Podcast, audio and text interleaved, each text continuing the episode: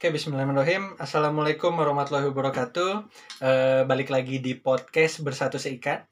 Kali ini kita akan bahas dunia digital, sosial media, dan hal-hal yang berkaitan dengannya. Kita akan ngomongin sama expertnya, eh, namanya Roro Ajeng Sekar. Apalagi Jang? Arum. Panjang ya. Panjang ya. Boleh deh Jeng, kenalin tuh. Suaranya sudah terdengar. Boleh kenalin Iya. dirinya. Oke, thank you banget Kak Uji udah diajakin di podcast Bersatu Seikat. Halo, halo, apa kabar? ya, eh, perkenalannya nama saya seperti yang sudah disebutkan ya, panjang sekali, Roro Ajeng Sekar Arum. Bisa dipanggil Roro, Ajeng, Sekar, Arum, cuman seringnya dipanggilnya tuh Roro atau Ajeng. Dan saat ini saya bekerja sebagai digital strategist dan juga content writer di Kompas TV. Dan em, sehari-hari juga di akhir pekan biasanya saya juga akan mengisi kelas-kelas digital marketing, kelas-kelas copywriting, sosial media dan lain sebagainya gitu. Jadi beberapa kali juga terlibat dalam eh, pengembangan sosial media untuk UMKM gitu, apalagi yang terdampak pandemi gitu ya. Eh, jadi kurang lebihnya kegiatannya berkutat di sana. Kalau dulu mungkin ada mirip-miripnya kayak Kak Uji gitu ya, berkecimpungnya lebih banyak juga di sosial, eh, pendidikan gitu. Tapi kalau sekarang udah agak dikurangi dikit, jadi kayak memantau dan membantu apa yang bisa dibantu gitu. Kalau dulu udah terjun langsung jadi jadi peng- pembuat event gitu ya, pengelola acara, kemudian menggalang dana dan lain sebagainya. Kalau sekarang eh, lebih banyak ke apa yang bisa saya kasih dari ilmu saya gitu. Jadi biar ada singgungannya juga dan terus berkembang sih. Gitu Kak Uji kalau perkenalannya. I see. Eh, Jeng, berarti nanti teman-teman kalau mau cek eh, kelas-kelasnya, termasuk juga dalam waktu dekat nih ada ya kelas. eh, tadi lihat di Instastory itu. Nah, Iya, nanti bisa follow di. Jeng Roro ya. Iya, Jeng Roro. J H E N K R O R O O. Ini namanya agak ribet tapi nanti bisa langsung di search Roro Ajeng sekarang. Iya, yang ro keduanya dua harokat ya, Roro. Oke, gitu. dua harokat bener. Nah, Jeng, apa namanya eh, masuk ke digital nih terus tapi pengen tahu dulu nih si backgroundnya apakah emang dulu digital kuliahnya ngambil hal-hal yang berkaitan dengan IT, teknologi atau komunikasi atau apa nih? Oke. Dulu backgroundnya gimana? Iya, dulu backgroundnya itu em, dari Universitas Brawijaya, ambil jurusan ilmu komunikasi di Fisip Universitas Brawijaya. Jadi anak arek Malang nih, arek Jawa Timur. Arek Malang. Iya, arek Malang ya. Dan eh, kalau dulu tuh ngambil sebenarnya penjurusannya di komunikasi massa.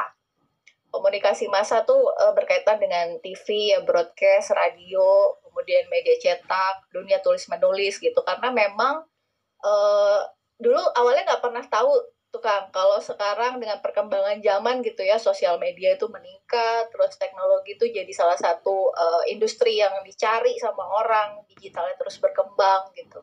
Tapi dulu eh, acuannya cuman karena saya tuh orang introvert sebenarnya.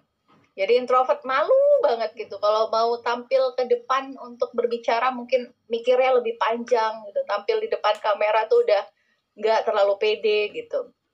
Tapi dari dulu itu selalu punya hal yang disukain gitu. Saya dulu tuh sukanya nari, sukanya seni, kemudian salah satunya juga dunia tulis menulis gitu. Makanya ketika di eh, senam PTN ya, waktu itu namanya SNMPTN. Kalau sekarang tuh namanya apa ya? Kalau sekarang nih kayak gak ngikutin gitu update-nya. U U eh, eh, apa UB eh nggak tahu lah. Ya, kayak kayak pokoknya inilah ya pendaftaran masuk masuk sekolah gitu pendaftaran masuk kuliah itu langsung milihnya apa ya jurusan yang yang saya bisa bisa lebih explore di situ gitu karena waktu itu saya dari IPA tapi mencari eh, jurusan yang IPS waktu itu dan akhirnya mikir oh ya deh masuk ke jurusan eh, komunikasi. Dan ternyata di dalamnya bisa banyak yang dikulik gitu. Begitu masuk eh, ke hal-hal yang saya sukai gitu ya di dunia tulis menulis ternyata saya bisa explore ini semuanya tuh dari media sosial gitu. Membagikan apa yang saya pengen apa yang saya rasa itu di blog di twitter kemudian di Facebook waktu itu. Karena Instagram belum ada gitu ya. Jadi um, akhirnya dari situ ngebawa saya buat konsisten aja untuk jadi ya kreator ya. Kalau sekarang nyebutnya kreator. Kalau dulu ya ya kita sebagai user gitu. Akhirnya lama-lama menyadari kalau eh, ini kayaknya bisa jadi potensi saya untuk berkembang gitu ya. Akhirnya dapat kesempatan pekerjaan pertama yaitu mengelola media sosial uh, suatu brand gitu. Kemudian bikin konten-konten tulisan dan lain sebagainya. Makanya seiring berjalannya waktu kalau cuman punya basic skills nulis aja kan ya kita bakal stuck di situ aja. Jadi belajar terus gitu baca data kemudian ngerti soal digital perkembangan ngikutin tren apalagi internet kan makin kenceng ya. Kalau zaman saya kuliah dulu kayak rasanya susah banget gitu buat cari cari-cari segala sesuatu yang baru. Kalau sekarang kan makin banyak jadi makin cepat belajarnya juga dan kayaknya udah siap deh untuk bangun karirnya di sini aja gitu. Gitu sih kak. Ya apalagi dulu istilahnya uh, ini mau kirim file nih. Uh, nah, jangan deh berat berat. Susah downloadnya gitu ya. Iya benar-benar karena kan kita kayak berebut gitu ya. Internet tuh rasanya berebut. Apalagi kalau dulu anak kosan aduh kalau kosan yang nggak ada wifi udah deh. Udah kelar deh tuh. Dan juga dulu wifi di kosan itu kan masih masih yang kayak mewah banget ya. Ada ada mewah, kos betul. ada ada kosan punya wifi itu waduh ya udah kita main ke tempatnya dia gitu ya untuk iya, download iya, ada dulu warnet ya. Warnet benar benar. Ketahuan umur ya Allah. Nah menarik tuh uh, eh, jeng apa yeah. namanya uh, warnet sama sekarang wifi ya gitu ya.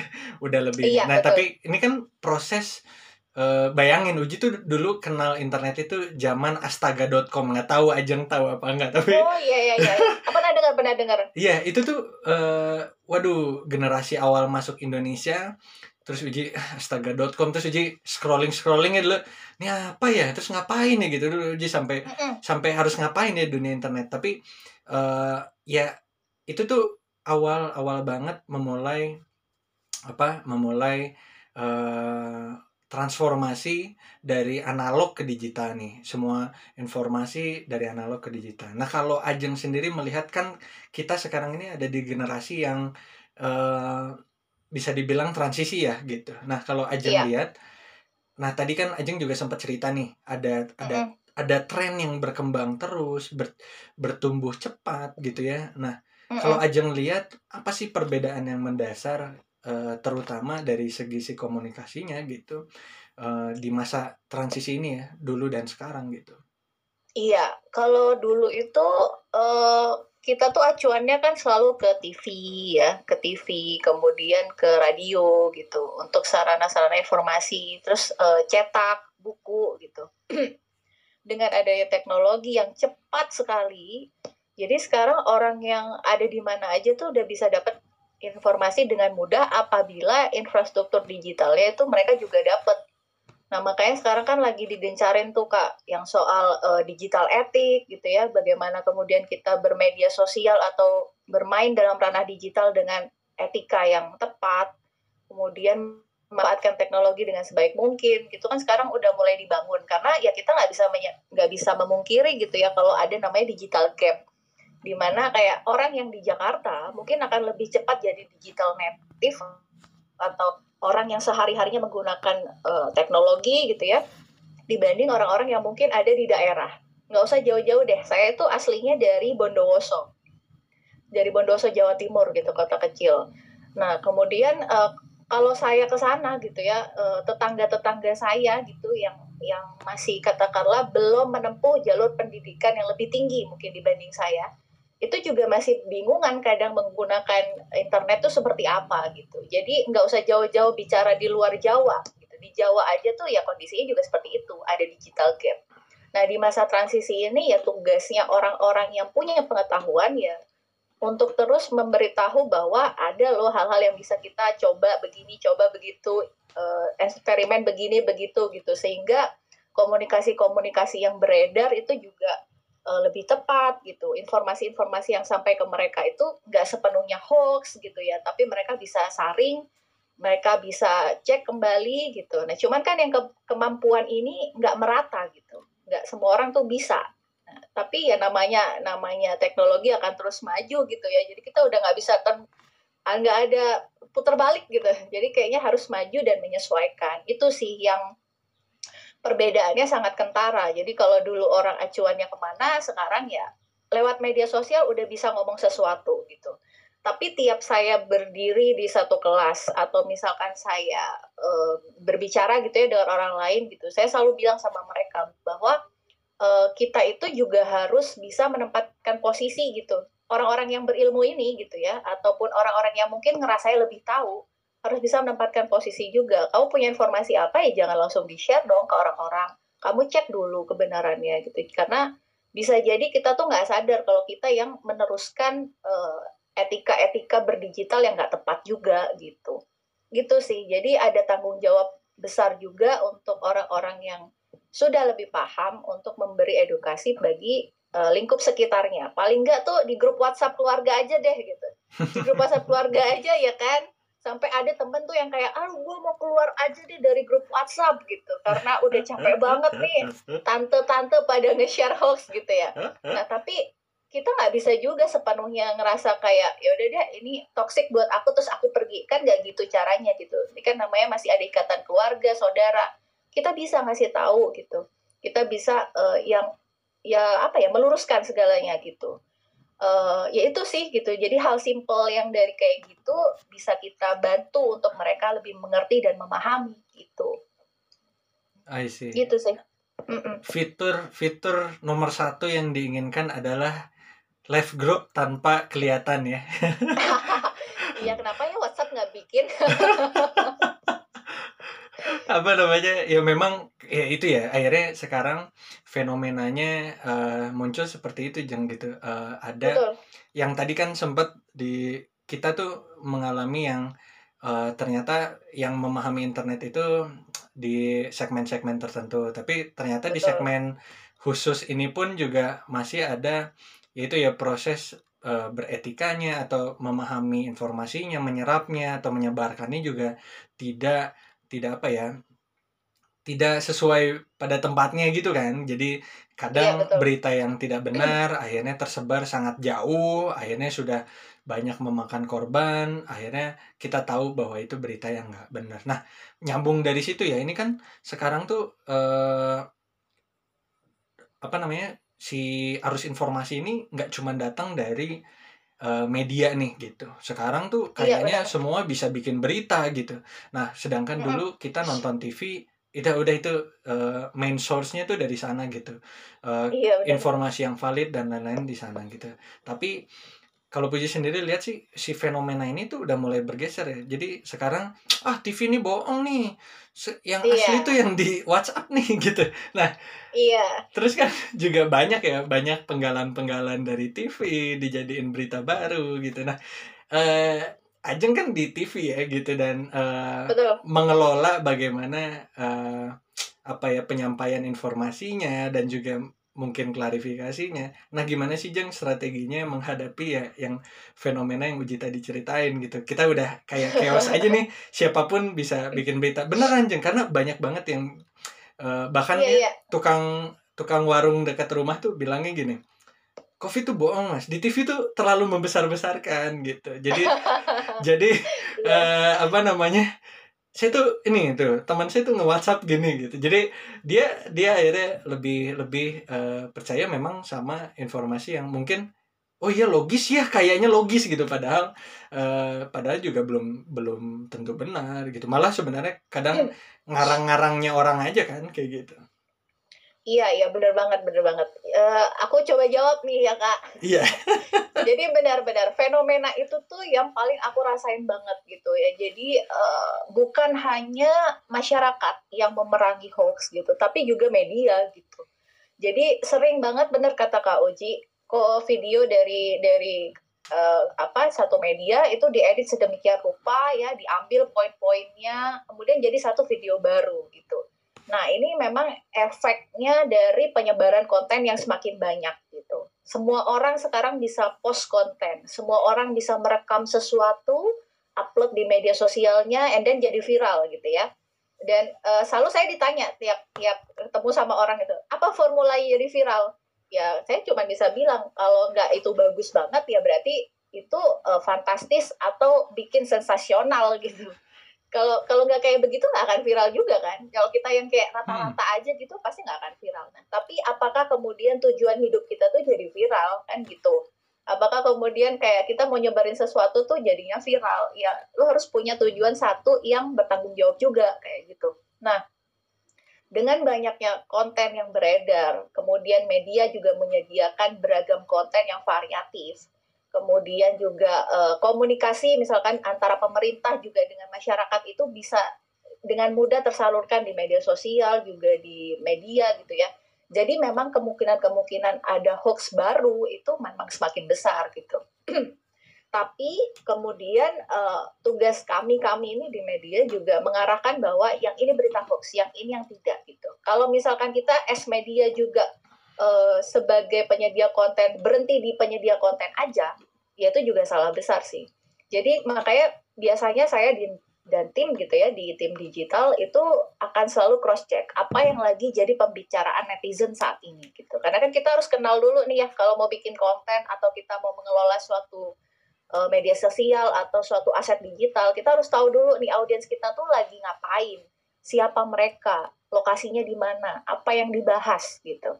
Nah, ketika kita tahu oh lagi rame nih soal bahas vaksin misalkan ternyata ada salah satu kontennya misalkan Kompas TV gitu ya yang disalahgunakan. Nah kita tuh harus mikirin juga tuh bagaimana cara klarifikasinya atau bagaimana cara untuk memberitahu bahwa ini tuh nggak benar gitu. Makanya biasanya kita bikin counter video gitu atau biasanya bikin uh, klarifikasi. Kemarin itu ada salah satu uh, video ya Kompas TV ya soal vaksin palsu uh, COVID gitu hoaxnya. Jadi hmm. ada hoax vaksin palsu COVID. And then di uh, disebar gitu di Twitter, di WhatsApp dan lain sebagainya dengan narasi wah ini ada vaksin palsu segala macam. Ternyata setelah kami selidiki gitu ya, tim medsos selidiki, itu ternyata adalah konten vaksin palsu untuk balita yang udah diunggah di tahun 2016 gitu. Jadi potongan beritanya itu di-share ke mana-mana gitu. Akhirnya apa yang bisa kita lakukan sebagai media karena tahu ini konten kita, konten kita disalahgunakan maka kita bikin klarifikasinya dengan treatment yang berbeda-beda. Kalau misalkan untuk audiens untuk Facebook kita bikin uh, klarifikasi yang seperti apa. Kemudian untuk yang Gen Z, ya kan Gen Z nggak mungkin eh, nggak uh, mungkin kita ini juga ya nggak pikirin juga kalau mereka pasti juga bisa terpapar hoax gitu. Kita bikin treatment yang khusus untuk mereka, video 30 second dan lain sebagainya kayak gitu kan. Jadi ada treatment-treatment khusus juga untuk memberitahu sama mereka, mengedukasi supaya juga mereka ngerasa relevan nih. Oh iya ya ternyata yang saya terima kemarin tuh salah kayak gitu. DP itu tantangan banget sih, kan tiap hari selalu ada gitu. yeah, kita iya. nggak yeah. bisa mengontrol itu semua. Yang bisa kita kontrol adalah bagaimana penerimaannya nanti ke masyarakat. Jadi jangan sampai bahkan di tahap terakhir kita publikasinya itu ada kesalahan gitu sih. I see. Iya, gitu, memang jadi memang tantangan banget ya.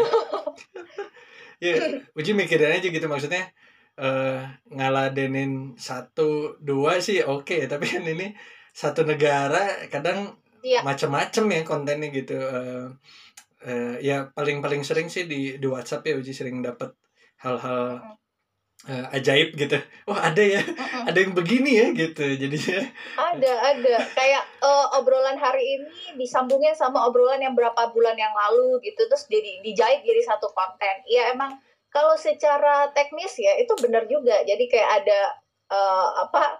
Benang uh, merah gitu. A ya? sama komen B. kayak ada counter attack-nya gitu. Nah tapi kan gak gitu caranya men gitu. Ceritanya kan mau ini apa mengutip ya gitu apa namanya mengutip bener. citasi gitu. Iya. Iya ya semacam itu ya. Uh, jeng apa namanya berarti udah total berapa tahun nih berkarir di uh, komunikasi dan si digital ini?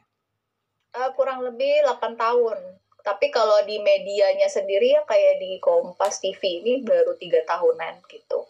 I see. Nah sepanjang hmm. karir ini pernah nggak ada ada yang uh, sosok gitu atau siapa pun itu yang kasih nasehat gitu atau pernah ngobrol biasa aja tapi Ajeng tuh inget banget gitu sampai nancep ke hati dan pikiran sampai wah ini jadi pegangan hidup nih buat atau jadi pegangan buat menjalani karir gitu ada nggak jeng uh, sosok ya kalau sosok itu mungkin ayah sih uh, ayah saya gitu jadi hmm.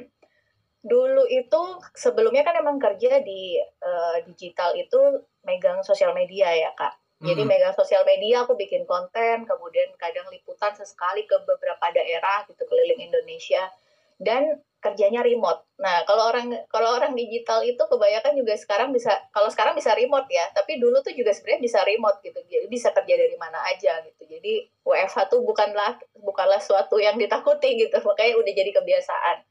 Nah, dulu tuh ayah ngelihat saya kayaknya capek banget nih kerjanya selalu mengikuti tren, kemudian pergi ke mana-mana, cari berita, cari informasi, cari uh, liputan kemudian uh, sebelum di Kompas ya itu, kemudian uh, bikin konten-konten yang tiap hari harus berhubungan dengan laptop dan HP gitu.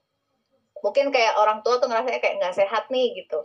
Tapi akhirnya saya beri penjelasan, oh iya Pak, sekarang tuh ada namanya uh, kegiatan ini gitu, pekerjaan ini gitu. Karena kalau dulu kan nggak ada ya pekerjaannya yeah. Pak, digital strategis, nggak mungkin. Terus mau jelasin uh, digital strategis tuh apa ya jelasinnya? Jadi bilangnya kayak Iya Pak, jadi Facebook itu dikelola, kemudian Twitter gitu dibikinin konten. Oh kontennya apa segala macam. Nah itu pengertian-pengertian gitu yang akhirnya diberitahukan. Kemudian orang tua saya tuh bilang, ayah saya tuh bilang kayak e, waktu saya memutuskan untuk e, pindah gitu ke Kompas TV, saya minta izin sama orang tua karena biasanya selama ini selalu membuat keputusan-keputusan sendiri. Jadi mau ke mana aja orang tua tuh sangat membebaskan tapi saya tahu gitu, kalau misalkan saya pindah kemudian hijrah ke Jakarta, gali pengalaman lebih baru lagi, gimana nih orang tua yang ada di daerah gitu. Itu ayah saya sudah sendiri lah. Bel, uh, apa ibu saya udah nggak ada gitu. Nah, saya kepikiran tuh di situ. Tapi ayah saya bilang gitu, kalau kamu yakin, kamu jalanin. Kalau kamu ngerasa di situ lebih banyak kebaikannya, kamu jalanin. Gitu. Karena orang tua emang nggak pernah ngelarang-larang. Kemudian bilang, kalau misalkan kamu ngerasa di dalam lubuk hatimu tuh ada kayak klik momen gitu ya kayak klik aja. Ya udah langsung langsung aja berangkat gitu. Sejak saat itu akhirnya segala pekerjaan yang saya lakukan itu jadi terasa lebih mudah karena dapat ridhonya orang tua dan akhirnya betul yang disampaikan sama ayah saya ketika kamu memutuskan untuk maju atau memutuskan untuk yakin sama jalan yang kamu pilih kamu akan ketemu sama cabang-cabang baru atau pintu-pintu baru yang dibukakan juga oleh orang lain gitu Nah dari situ kerasa banget sih Kak Uji, saya ketemu sama beragam profesional gitu ya, dari orang video, fotografer, kemudian artis, tokoh, narsum segala macamnya yang akhirnya ngebuka pikiran saya untuk lebih lebih bisa mengambil posisi gitu di tengah disrupsi, di tengah apa tsunami informasi gitu. Saya bisa lebih menentukan sikap gitu mau ke mana, bahkan konten yang saya buat tuh akan seperti apa kayak gitu. Jadi uh, pegangannya adalah ridhonya orang tua dan kalau orang tua bilang kamu kalau yakin yakin. Ya saya jalan gitu. Jadi sosok sosok ayah sih yang paling nancep ke saya. Kalau yang kedua itu uh, sama ini sih. Saya selalu suka ketika mengajar gitu ya. Meskipun saya introvert gitu. Kalau introvert itu kan sebenarnya bukan yang dia tuh pemalu terus nggak mau keluar gitu ya kak ya. Kan yeah. kadang banyak orang salah salah persepsi gitu. Tapi kalau saya tuh uh, memahami kalau introvert itu kan cara orang mengambil energi gitu ya. Mengambil energi dari orang lain. Apakah di lingkup yang besar ataukah dia uh, ya lebih lebih cocok untuk ngobrol yang one on one kayak gini atau seperti apa gitu. Tapi ketika saya mengajar meskipun saya introvert saya tuh bisa dapat energi mereka gitu. Meskipun kadang kalau di WFH ini sekarang atau di pandemi ini nggak pernah ketemu langsung saya tetap dapat ilmunya dari mereka. Jadi saya ngajarin mereka, tapi justru saya tuh yang dapat ilmu dari mereka gitu. Makanya selalu dapat inspirasi dari siapa? Ya dari audiens-audiens saya gitu. Dari uh, apa peserta-peserta kelas saya gitu. Karena selalu ada ide baru dari mereka. Makanya nggak menutup kemungkinan bahwa orang-orang itulah yang bikin saya terinspirasi untuk bikin A, bikin B, bikin C, dan terus bikin karya yang lebih baik gitu sih. I see. Uh, apa namanya? Ya perjalanan nggak lepas dari pasti kan ketemu orang banyak ya kita dapat dapat dapat kadang ya pas lagi di atas atau lagi di bawah gitu kita ngerasain ternyata ada ada pengingat-pengingat yang oh ini jadi semangat iya. lagi bener bener bener jadi pengingat bener uh, pengingat dan semangat nah Iya, untuk betul. biar teman-teman semangat nih ya yang yang dengar terus berpikiran oh kayaknya saya tuh uh, suka nih sosial media nih pengen terjun nih uh, gimana ya apa yang perlu dipersiapkan ya uh, basic-basic apa yang harus saya kuasai ya biar bisa terjun di dunia digital dan konten strategis khususnya gitu Jang. yang perlu disiapin ya Hmm. Jadi yang perlu disiapin itu sebenarnya mental. Jadi kadang kalau orang mau bikin konten kayak suka kepentok sama mentalnya sendiri kayak enggak dia takut dibully atau takut dinyinyirin gitu. Uh, jadi sebenarnya gini sih kan uh, sekarang media sosial itu tujuannya banyak ya kalau untuk personal bisa buat personal branding bisa buat ya kita memba membangun uh, apa personal lah di depan orang lain. Tapi kalau misalkan untuk perusahaan membantu juga untuk ngasih tahu image perusahaan itu seperti apa. Membangun juga community building dengan audience. Juga uh, buat uh, media promosi segala sesuatu hal yang berkaitan dengan produk-produk perusahaan gitu. Ya UMKM dan lain sebagainya. Jadi ditentukan dulu tujuannya kita tuh mau mengelola media sosial tuh untuk apa kemudian yang kedua uh, lebih ke menyiapkan mindset juga gitu. Kalau kita kan nanti akan jadi pelakunya ya gitu ya. Kita yang bikin konten kita yang mengelola gitu. Ya mindsetnya adalah ini bagian dari proses kreatif gitu.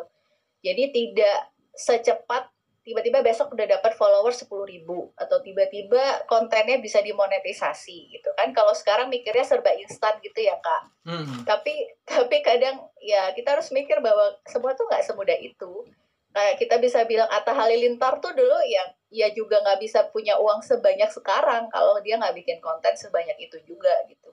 Jadi yang bisa kita pelajari dari orang lain yang mungkin sudah berkarir lebih dahulu di media sosial dan lain sebagainya adalah bagaimana mereka mengelola uh, kemampuannya dan juga konsisten untuk terus berada di situ gitu. Untuk terus mengikuti uh, apa sih yang jadi tren sekarang apa sih yang harus saya lakukan ke depannya apa yang jadi tujuan dari saya mengelola media sosial ini gitu. Jadi uh, mindset mindset awalnya yang harus ditentukan kalau skills ya lebih ke kemampuan untuk membaca data fakta bikin konten uh, nulis gitu. Kalau misalkan dia prop apa prefer saya jadi copywriting aja deh tapi untuk sosial media atau untuk iklan di sosial media maka ya kemampuan menulisnya yang ditingkatkan. Tapi jangan cuma satu skills aja gitu yang ditingkatkan. Bisa jadi kemampuan berbicaranya kemampuan presentasi kemampuan bikin uh, deck yang bagus gitu. Jadi seiring berjalannya waktu bisa semuanya gitu. Karena kalau di sosial media itu kebanyakan gitu ya. Mungkin Kak Uji juga mengalami gitu ketika mengelola media sosial apa. Aurora gitu ya. Ngejar Aurora, ngerasain, aduh bikin konten apa lagi ya gitu. Tapi once kita tahu tujuannya, kita mau kasih edukasi ke netizen misal seperti itu. Ya kita akhirnya bisa bisa mengulik lagi apa yang bisa kita bagikan ke orang-orang. Hmm. Kalau misalkan eh, apa ya, setiap hari kan ada tren baru gitu. Ya bisa jadi kita akan jadi orang yang gampang FOMO gitu ya. Takut ketinggalan tren gitu. tapi kita juga bisa kok nentuin kayak oh iya saya nggak mau ngikutin tren yang ini saya mau ngikutin tren yang mana gitu. Jadi kita juga yang menentukan lu mau jadi seperti apa? gitu. Mau jadi konten kreator yang seperti apa? Atau mau jadi spesialis sosial media ini yang karakternya seperti apa? Gitu sih. Jadi skillsnya juga akan bertambah seiringnya waktu. Nah itu teman-teman. Jadi uh, ya dikembangkan sambil dilihat yang mana memang jadi kebutuhan dan juga bisa menyaring ya terutama Uh-uh. tren karena terlalu banyak tren yang masuk kita ingin masukin juga kayaknya nggak keburu ya gitu nggak ada waktu Iya, nggak ada ciri khas juga sih kak. Kayak misalkan sekarang kan banyak yang ngikut-ngikut apa bikin konten, eh kayak sama gitu semuanya. Tapi kalau kita punya satu yang berbeda gitu ya kan Panji Pragiwaksono pernah bilang lebih baik tuh berbeda sedikit daripada tidak ada bedanya sama sekali gitu. Jadi boleh aja kita ngikutin tren, kemudian kita amati, tiru, modifikasi gitu ya. Tapi pada akhirnya ya kembali lagi karaktermu juga tuh akan menentukan keberhasilan kontenmu gitu. I see. Nah nyambung dari situ jang. Nah ini kita udah di penghujung nggak kerasa kan? Sumpah? iya. nah last question uh, iya. apa namanya tips buat mereka yang uh, mau persona branding atau yang sekarang lagi punya UMKM ini kan sekarang gini ya uh, kayaknya juga mau jualan kayaknya lagi susah gitu ya orang juga lagi nggak fokus untuk kalau tahun lalu masih lah masih banyak yang uh, apa jualan makanan gitu kan. Sekarang tuh kayaknya agak berkurang gitu. Sekarang tuh lebih ke uh, suasananya agak beda gitu. Nah gimana ya cara yang apalagi kan banyak teman-teman mungkin bisnisnya uh, mendelep gitu ya uh, iya. apa namanya tenggelam dari hiruk pikuk dan juga uh, apa dayanya juga berkurang karena keterbatasan keterbatasan yang ada sekarang gitu. Nah uh, tapi kan kita tetap optimis nih ke depannya uh, bisa bangkit lagi gitu. Nah, tipsnya apa nih buat teman-teman UMKM juga teman-teman yang baru memulai uh, saya pengen deh personal brand di di sosmed gitu. Oke. Okay.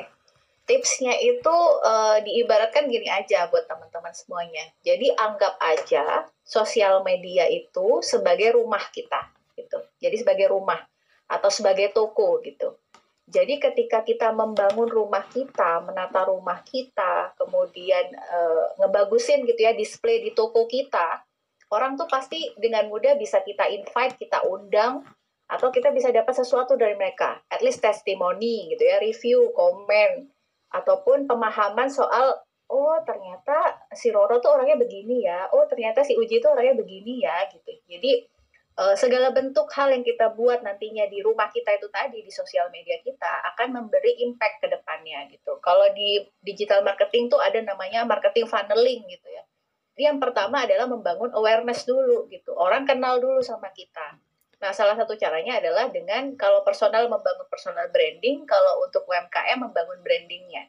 Jadi kita itu mau dikenalnya sebagai apa? Kalau misalkan punya perusahaan e, madu misalkan ya, madunya tuh mau yang dikenal seperti apa? Apakah madu yang khas dibuat oleh uh, masyarakat desa adat apa misalkan? Ataukah uh, madu yang memang diproduksi secara pabrikan gitu. Jadi ada hal-hal yang bisa kita bagikan value value-value yang bisa kita bagikan lewat media sosial kita itu tadi gitu. Nah yang harus dimulai juga adalah menyiapkan uh, segala aset gitu. Jadi harus benar-benar disiapkan. Kalau saya mau membangun brandingnya di Instagram misalkan atau di TikTok maka silahkan dibuat terlebih dahulu dan pahami tren apa yang sedang berlaku di situ gitu. Kemudian disesuaikan dengan brand identity kita, value kita. Kemudian kalau misalkan untuk yang jualan ya, jangan cuman fokus sama jualan doang. Tapi fokus juga gimana caranya barang kita itu jadi barang yang menjadi solusi untuk masyarakat saat ini gitu kalau orang-orang sekarang butuhnya obat gitu ya atau butuhnya segala bentuk makanan sehat ya maka kita berusaha hadir untuk jadi penyedia makanan sehat yang tepat gitu. Jadi berusahalah hadir untuk audiens. Makanya yang pertama dalam mengelola media sosial itu harus tahu dulu audiensnya itu siapa gitu. Siapa lokasinya di mana mereka kebiasaannya apa kebutuhannya apa masalah yang mereka hadapi itu apa sehingga kita bisa menjawab pertanyaan-pertanyaan itu dengan konten-konten kita dan brandingan kita sendiri. Gitu sih. Dan kadang kadang banyak orang tuh yang mikirnya gini oh, aduh produk saya tuh nggak laku-laku gitu ya. Nah bisa jadi kita tuh belum mengoptimasi apa yang ada di digital sekarang gitu. Bisa jadi bukan produk yang jelek tapi konten yang kita produksi kurang tepat untuk audiens kita.